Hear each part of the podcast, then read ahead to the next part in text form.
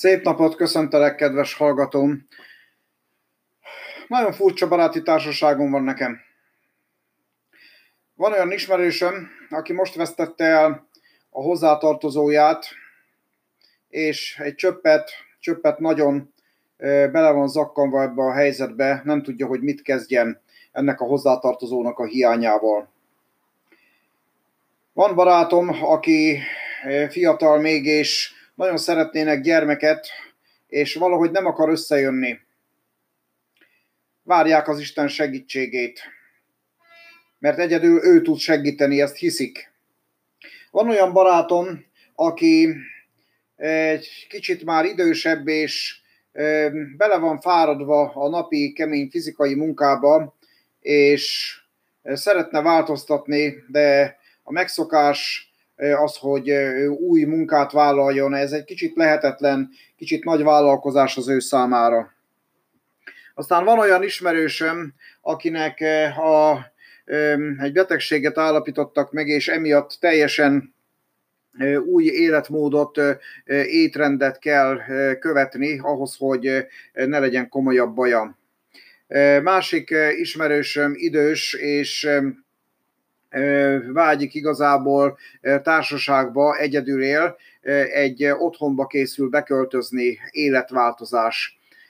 Keresik az Istent ezek az emberek, szeretnének megoldást ezekre a helyzetekre, és az a bátorításom ezeknek az embereknek, és lehet, hogy te is ehhez hasonló vagy, kedves barátom, kedves hallgatóm, hasonló gondokkal küzdesz, és és ott van benned, hogy de jó lenne, ha az Isten közel jönne, és segítene.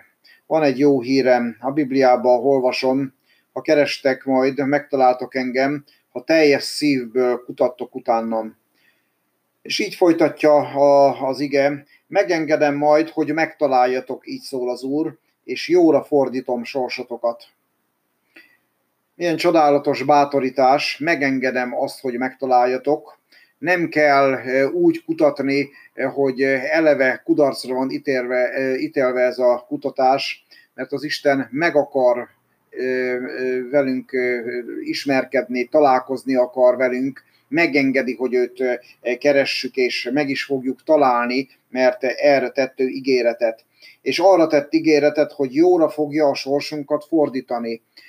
Keressük őt, arra bátorítalak benneteket is, és magamat is, hogy minden helyzetbe, minden élethelyzetbe keressem az Istent, mert neki van megoldása az életemre. Ő nem egy valamikori legenda, hanem ő van, ma is van, és holnap is lesz. Ő az örökkévaló Isten, aki képes beleszólni az életünkbe, az életünk viharát pedig képes lecsendesíteni. Arra bátorítalak, kedves hallgatóm, hogy keresd az Istent, ne szűnj meg hozzá imádkozni, ne szűnj meg elmondani neki a problémáidat, keresd őt, mert azt ígéri, hogy meg fogod őt találni. Isten áldjon!